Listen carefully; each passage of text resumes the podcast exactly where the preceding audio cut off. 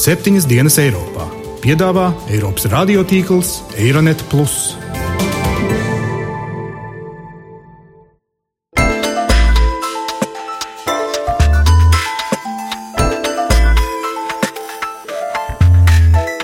Šonadēļ septiņas dienas Eiropā dzirdēsim. Es domāju, ka nekad nevar notikt miers starp Arābiem un Izraēlu bez Amerikā un Eiropā.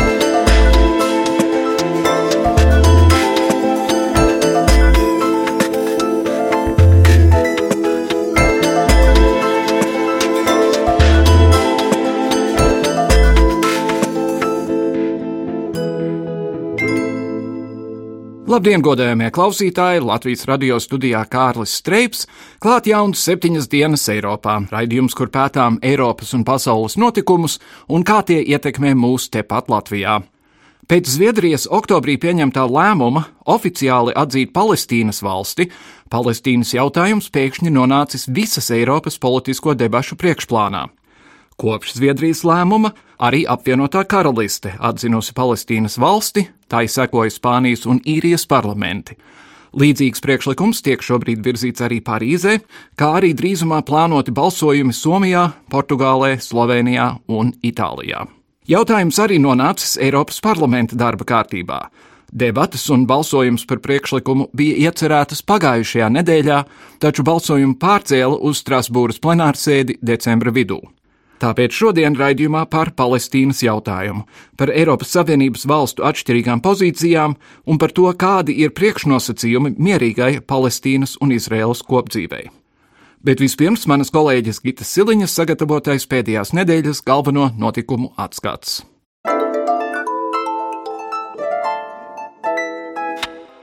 Aizvadītajā nedēļā par sevi no jauna lika runāt Vācijas kanclere Angela Merkele. Uzstājoties Vācu ģimenes uzņēmumu kongresā Berlīnē, Merkele paziņoja, ka pret Krieviju tomēr ir nepieciešams vērst ekonomiskās sankcijas.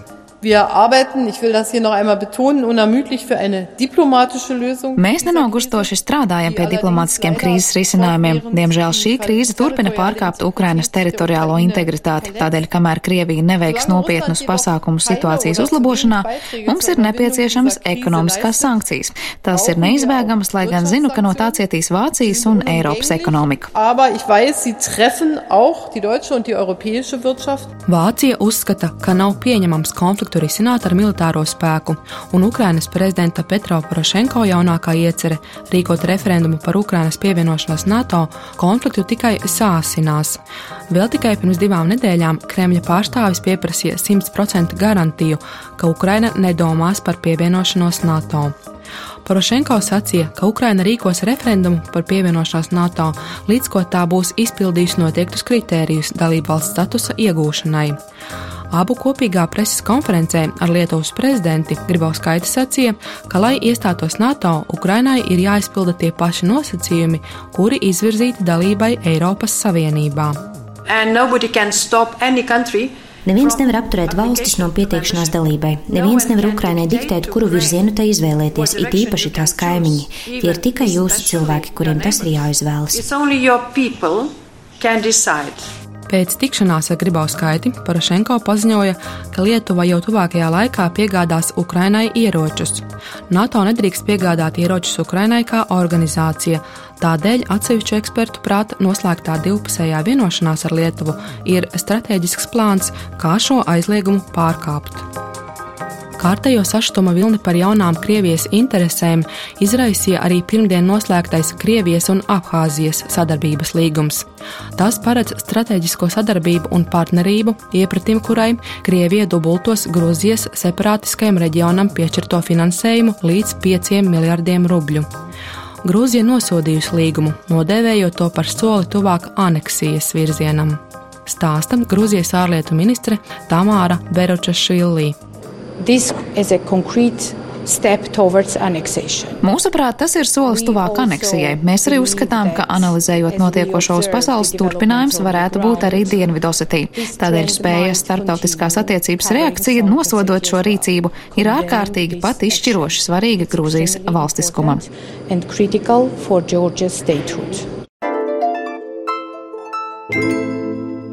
Palestīnas un Izraels konflikta risināšanā daudzu gadu garumā ir iesaistījušās teju visas lielākās pasaules valstis, toties risinājums pie apvāršņa vēl ar vienu nav saskatāms. Krietni vairāk nekā simts pasaules valstu jau ir atzinušas Palestīnas neatkarību. Latvija un pārējās Baltijas valstis nav to skaitā, taču reti kura valsts šobrīd ir gatava oficiāli atbalstīt Palestīnas teritoriālās neatkarības atgūšanu, ja tā nav gatava panākt mieru sarunu ceļā ar Izrēlu. Tālāk vairāku Eiropas valstu pēkšņa Palestīnas valstiskuma atzīšana šoruden norāda uz šķietamu jaunu taktiku šī konflikta risināšanā. Kopš Oslo vienošanās jau pagājušas divas desmitgades, bet divu valstu risinājums, kas toreiz tika ieviests kā priekšnoteikums mieram, nav nepamatu tiesu taustāmāks. Izraēlas nepārtrauktā apmetņu izveidošana okupētajās teritorijās, kā arī dziļās nesaskaņas starp Palestīnas atbrīvošanas organizāciju un teroristisko Hamas ir starp šī brīža lielākajiem miera šķēršļiem. Vairāk par Eiropas Savienības pozīcijām atzīstot Palestīnu kā valsti, manas kolēģis Gitas Siliņas sižetā.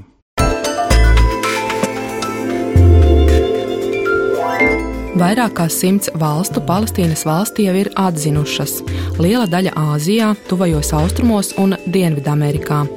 Arī vairākas Eiropas Savienības valstis - Zviedrija, Bulgārija, Čehija, Kipra, Malta, Spānija, Polija, Rumānija un Ungārija. 30. oktobrī Zviedrija oficiāli atzina Palestīnas valsti. Ungārija, Slovākija un Polija šo soli katra veica pirms iestāšanās Eiropas Savienībā. Zviedrijas ārlietu ministre Mārgota Valstrēma noraidīja pārmetumus, ka šis lēmums nācis par ātru. Viņa norādīja, ka tas drīzāk nācis par vēlu. Tāpat savā paziņojuma laikā Valstrēma uzsvēra Izraēlas un Zviedrijas sadarbību daudzu gadu garumā. Today the government of Sweden has decided to recognize the state of Palestine. Šodien Zviedrija pieņēmusi lēmumu par Palestīnas valsts atzīšanu. Lēmums pieņemts balstoties uz starptautiskās likumdošanas kritērijiem. Ir teritorija, cilvēki un valdība. Neatzīt Palestīnu tādēļ, ka tā ir okupēta, nozīmētu pretrunu principam, ka agresija nedrīkst nest pozitīvus augļus. Ievērojiet, ka jau vairāk nekā 130 valstis atzīst Palestīnu. Zviedrija šajā uzskaitījumā ir 135. Mēs ceram, ka Izraela šo mūsu soli pieņems līdzsvaroti un konstruktīvi, un ceram, ka mūsu lieliskā sadarbība turpināsies. Uh, Savukārt Latvijas dienas kārtībā jautājums par palestīniešu pašpārvaldes kā neatkarīgas valsts atzīšanu joprojām nav. Tā ziņo aģentūrē Leta komentējot Zviedrijas lēmumu, sacīja ārlietu ministrijas preses sekretārs vēstnieks Kārlis Eihenbaums un norādīja, ka Latvija pieturās pie Eiropas Savienības nostājas par divu valstu risinājumu. Tikmēr novembra vidū simboliskā balsojumā Palestīnas valsti atzina Spānijas parlaments. Tā mērķis ir veicināt Izraēlas un palestīniešu konflikta mierīgu noregulējumu un Izraēlas atgriešanos pie sarunu galda. Lai gan iniciatīva nenozīmēja būtiski mainīt Spānijas tuvo austrumu politiku, Madride cerēja inicēt impulsu, kas palīdzētu rast risinājumu divām valstīm - Izrēlas un palestīniešu. Žurnālistiem Briselē pirms pāris nedēļām pozīciju skaidroja Spānijas ārlietu ministrs Jose Manuels Garcia Margallo. Mums ir sajūta, ka nav atlicis daudz laika. Vai nu ir jādara kaut kas ātri, vai divu valstu risinājums būs fiziski neiespējams.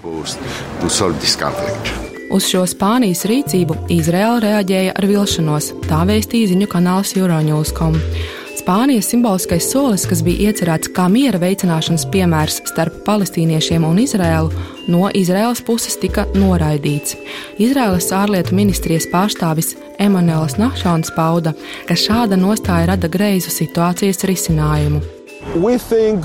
Mēs domājam, ka šādas parlamentu deklarācijas visā Eiropā tikai veicinās palestīniešu sajūtu, ka viņiem nav nepieciešams apspriest šo jautājumu. Savukārt rietumkrastā palestīnieši Spānijas parlamenta pretimnākšanu sveica. Palestīniešu pašpārvaldes amatpersona Hanan Ašravī sacīja, ka tas ir būtisks impulss miera veicināšanā. Tagad ir impulss konstruktīvi iesaistīties, atzīt Palestīnas valstu un ieguldīt tikai miera veicināšanā. Citādi Izraela turpinās savu politiku, iznīcinot divu valstu risinājumu, iznīcinot izredzes par dzīvotspējīgu Palestīnas valsti. Novembra sākumā Eiropas Savienības augstā ārlietu pārstāve Federika Mogherini vizītes laikā Gazā paziņoja, ka pasaule nevar atļauties vēl vienu karu Gazas joslā un aicināja izveidot Palestīnas valsti. Mums ir vajadzīga Palestīnas valsts, tāds ir galīgais mērķis un tāda ir Eiropas Savienības nostāja. Ne tikai Gāzes iedzīvotāji nevar atļauties ceturto karu, visa pasaule to nevar atļauties. Mēs nevaram vienkārši sēdēt un gaidīt. Ja mēs sēdēsim un gaidīsim, tas ilgs vēl 40 gadus. Mums ir jārīkojas tagad. Tikmēr Izrēla, kā norāda Euronews, plāno būvēt tūkstotus mājokļus ebreju kolonistiem, pārsvarā Arābu austrumu Jeruzalemē. ANO ģenerālsekretāra vietnieks politiskajos jautājumos Džefrijs Feltmans vērtēja situāciju tiekoties ar ANO drošības padomi septembrī. Right Šie plāni atkal rada nopietnas šaubas par Izraels apņemšanos sasniegt ilgstošu mieru ar palestīniešiem, jo jaunās apmetnes apdraud Palestīnas valsts dzīvotspēju nākotnē. Filozofs Noams Čomskis intervijā Ēmijai Goldmanai vietnē Democracy Now! oktobra otrā pusē runājot par Palestīnas un Izraēlas konflikta iespējamo risinājumu un ASV lomu sacīja, ka viens svarīgs pasākums, ko ASV varētu veikt, ir dzīvot un rīkoties līdz ar saviem likumiem. Viens no tiem ir tas, ko sauc par līhī likumu, kas aizliedz nosūtīt ieročus jebkādām militārajām vienībām, kas iesaistītas konsekventos cilvēktiesību pārkāpumos. Nav ne mazāko šaubu, ka Izraels armija ir iesaistīta masveida cilvēktiesību pārkāpumos. Un tas nozīmē, ka ASV ieroču nosūtīšana Izraēlai ir pretrunā ar ASV tiesību aktiem. Amnesty International, piemēram, jau gadiem ir aicinājusi ievest ieroču embargo pret Izraēlu šā iemesla dēļ. Palestīnieši meklē valstiskumu Izraēlas okupētajā rietumkrastā un Gazā. Jāatgādina, ka 12. gada 29. novembrī ANO ģenerālā asambleja ar vairākuma dalībvalstu atbalstu paaugstināja palestīniešu valdības statusu līdz novērotāju valstī, de facto atzīstot Palestīnas valsti. Toreiz lielākā daļa Eiropas Savienības dalībvalstu šajā balsojumā atturējās. Tikmēr Izraela ar tā sabiedrotā ASV atbalstu turpina uzstāt, ka Palestīnas valsts var tikt izveidota vienīgi sarunu ceļā starp izrēliešiem un palestīniešiem.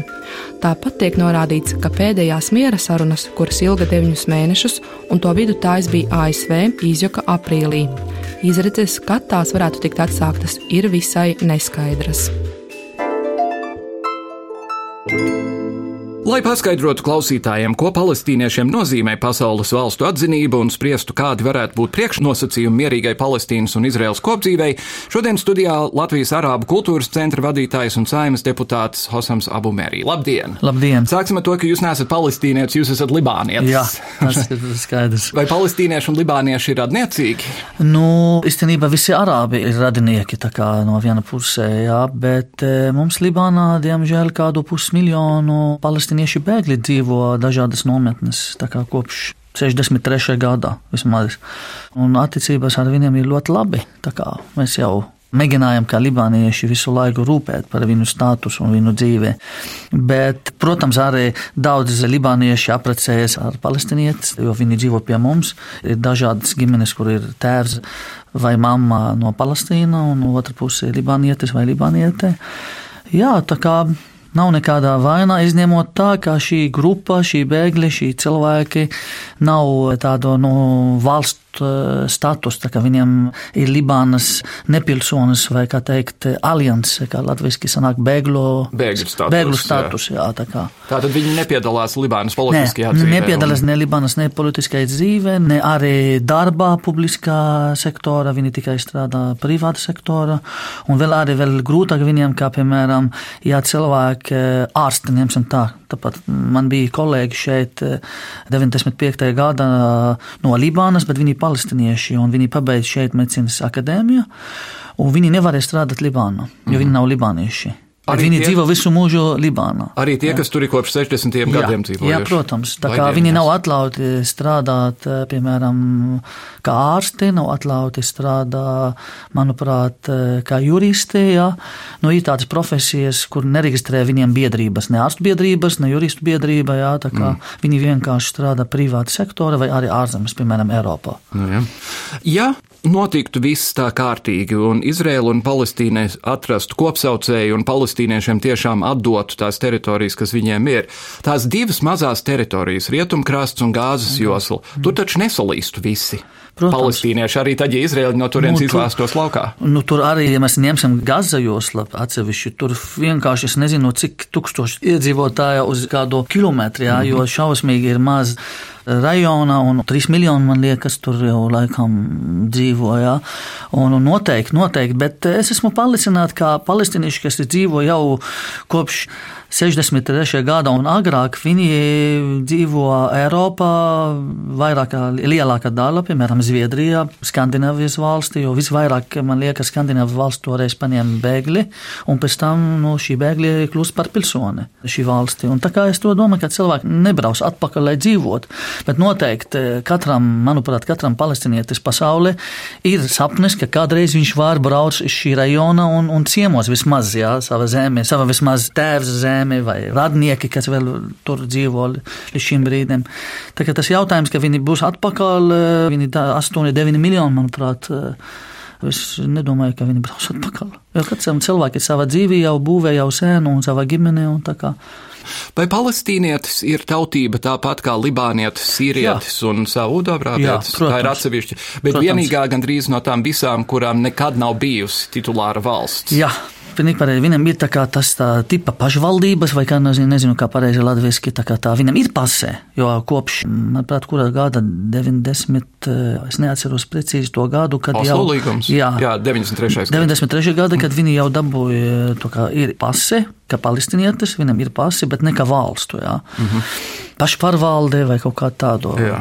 Un šī cilvēka, kas dzīvo tur, protams, Palestīnieši, kas dzīvo Libānā, Sīrijā, Eiropā, viņam nav nekāds status, nav nekāds sakars ar Palestīnu. Viņam nav arī dokumenti. Mm -hmm. Tikai viņam varbūt var rakstīt, ka man izcelsme ir palestīnietis vai no Palestīnas, no tā pusē. Jā. Līdz ar to es domāju, ka tā ir šī tauta sapnis, ka viņi kādreiz vismaz būtu tā vienalga mazu valsti, ar ko viņi var pateikt, ka es esmu no šī pusē, no šī jā. valsts. Jā. Cik lielā mērā, jūsuprāt, pašiem palestīniešiem ir jātiek galā ar savu, tā teikt, diezgan teroristisko reputāciju? Tas bija savulaik lidmašīnu laupīšana 60. un 70. Jā, gados, tagad jā. ir Hamas un Hezbollah. Tas ir sarežģīti, jā.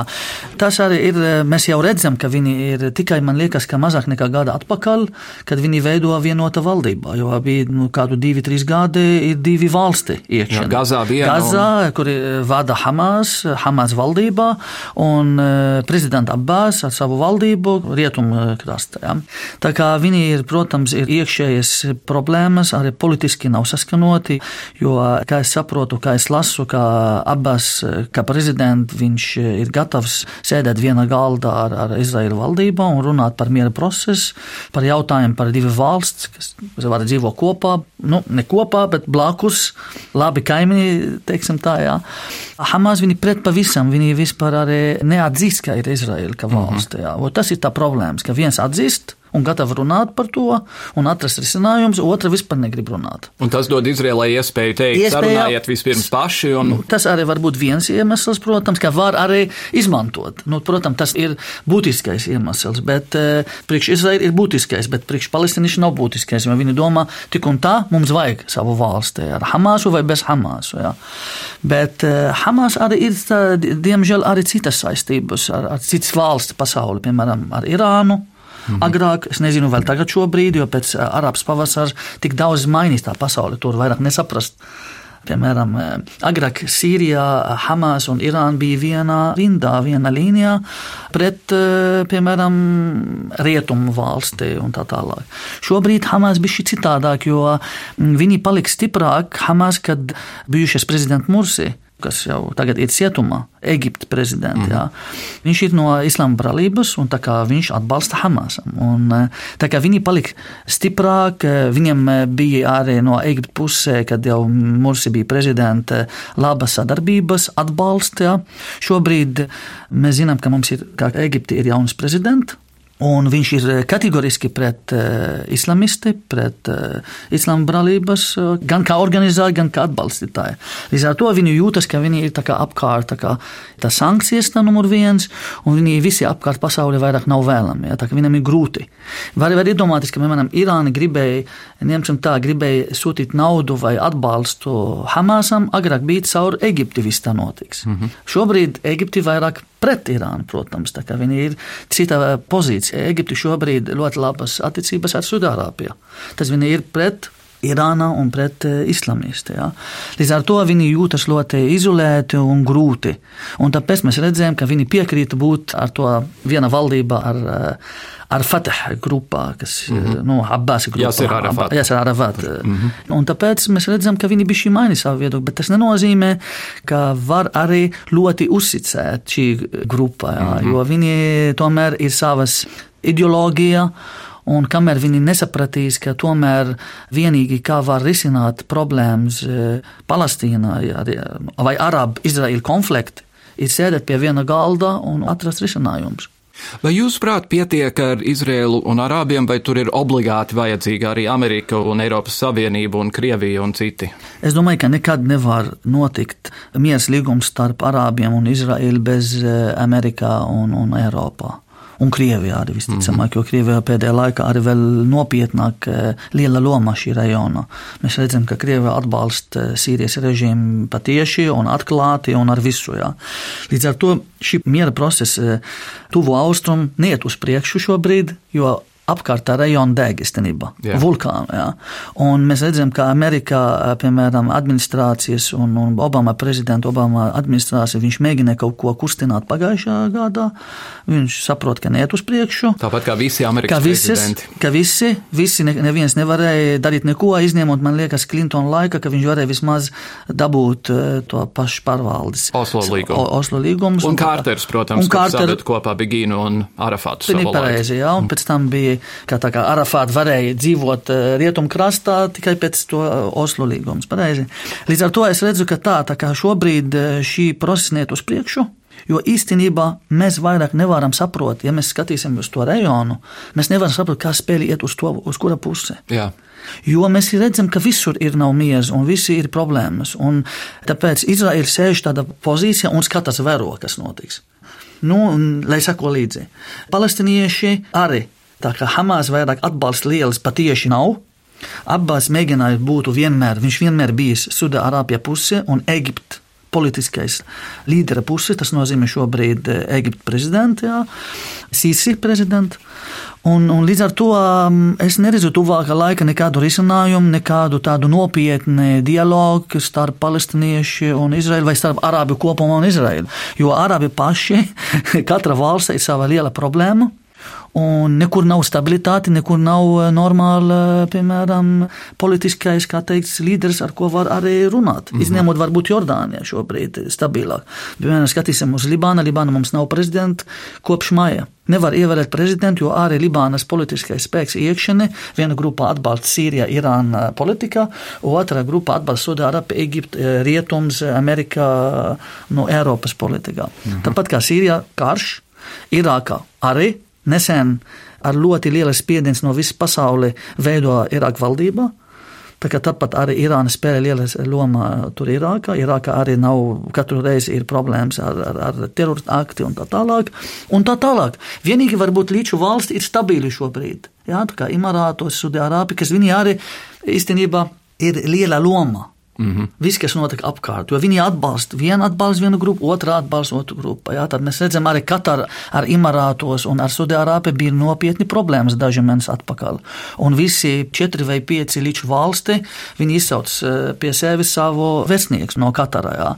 Tā kā tiešām nu, es neredzu, ar ko var iet runāt par kaut kādu miera procesu, lai izvirzītu uz priekšu. Jā, nav neviena superarāba. Ne, ne, šobrīd nē, ne, nav tādi mm. līderi, kā agrāk bija. Viens līderis, piemēram, ir Mubarak, bija, ir Asad, nu, vecais Asad tēvs. Jā. Jā. Huseins. Ir Hoseins, jā, tad bija trīs, četri, kas viņi vada visu to spēli. Jā. Mm -hmm. Šobrīd nu, nav. Kā jūsuprāt, šo situāciju un aprēķinu maina tas, ka tagad ir šī tā dēvētā islāma valsts, kas ir gan ļoti kareivīga, ļoti ļauna, bet galvenais proti izmantot modernās tehnoloģijas, lai sevi slavinātu, un tā rezultātā no visas pasaules ir kā tur brauc cilvēki karot? Diemžēl arī sakot mēdīja un presi no šī rajona un starptautiskais presi, tu 20% no šī kaunieki no Eiropas pusē, no Amerikas kas ir neiedomājami. Neiedomājams. Mm -hmm. Tas ir šī, kā teikt, vīrieši vai sievietes vienalga. Viņi piedzima lielākā daļa no viņiem Eiropā. Tā kā viņi ir no rietumu vērtības, saprot. Un tas nesaprotam, kā varētu tas nozīmē.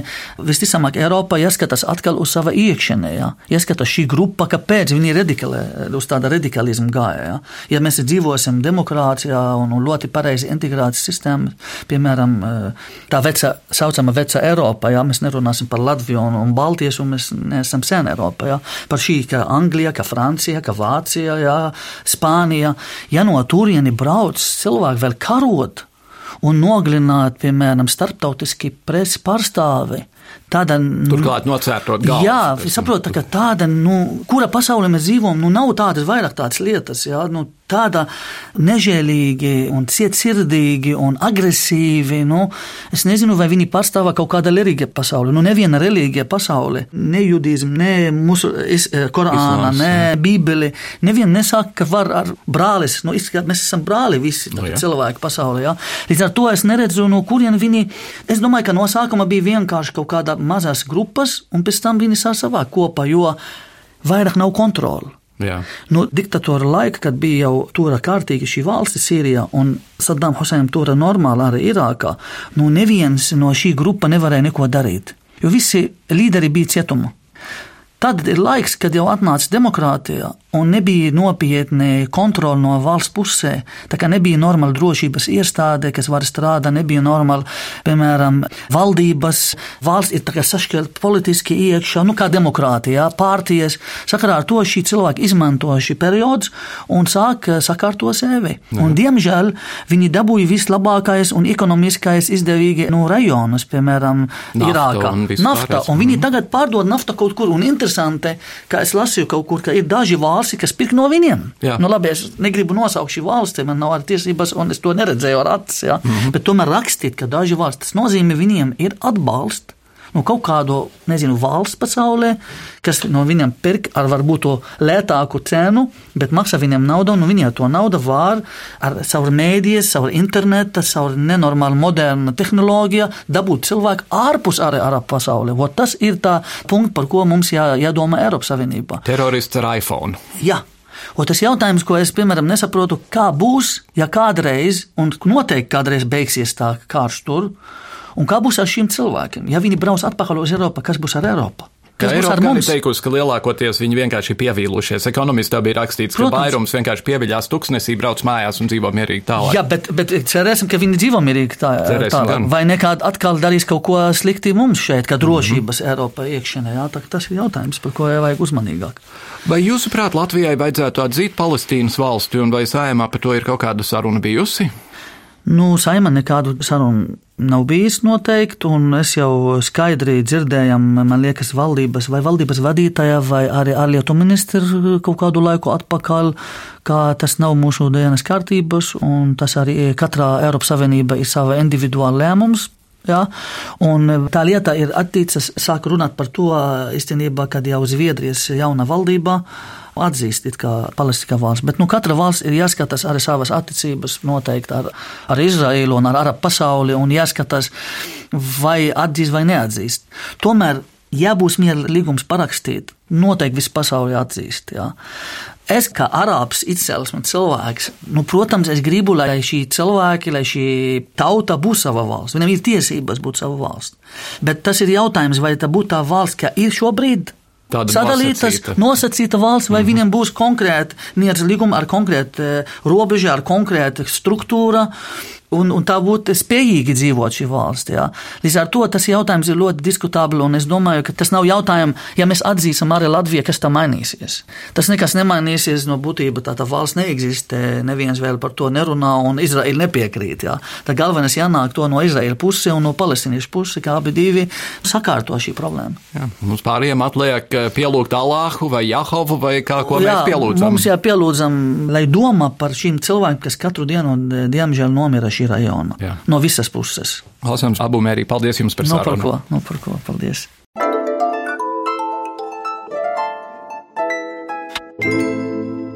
Latviešu valodas vārnīcā definīcija vārdam neatkarīgs ir šāda.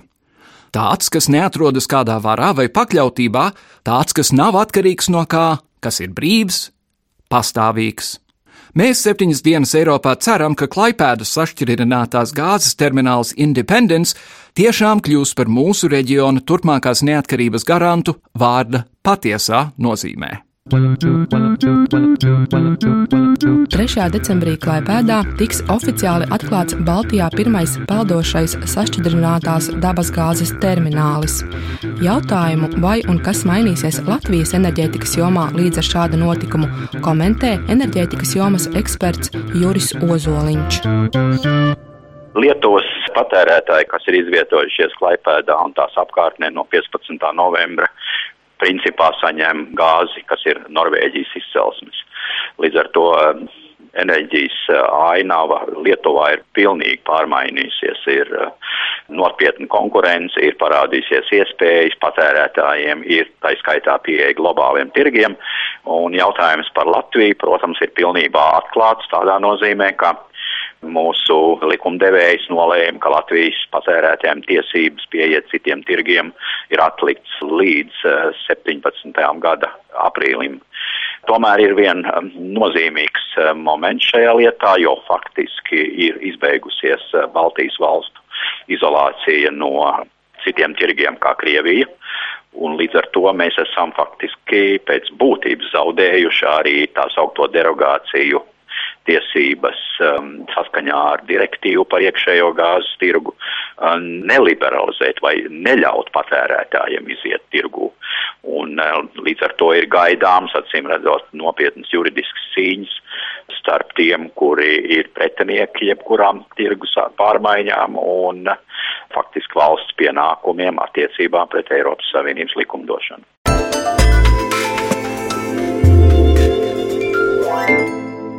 To arī izskan šīs nedēļas septiņas dienas Eiropā. Sarežģīta ir tā būšana tuvajos austrumos. Tā ir ne tikai Izrēla, tā nav tikai Palestīna, tas ir viss tas reģions, kurā citu starpā ir jākonstatē, ka amerikāņi atnāca Irākā visu sagrāva un tad pateica čau. Tur ir tas ģeopolitiskais jautājums, bet uh, mums Latvijā atliek tiešām cerēt, ka galu galā tur var atrast mieru, saprast, ka balts un pūkains šajā situācijā nav neviens, tā skaitā arī Izrēla, un cerēt, ka veselais saprāts kā vienmēr gūs priekšroku. Līdz nākamajai nedēļai, dāmas un kungi, visu labu!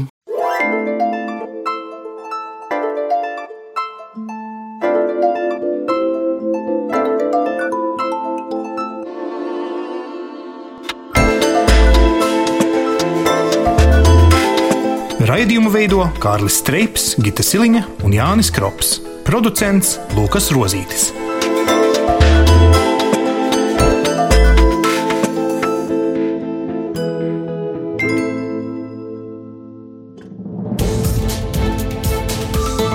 Visus Eironet plus sižetus un raidījumus meklējiet Latvijas radio mājaslapā.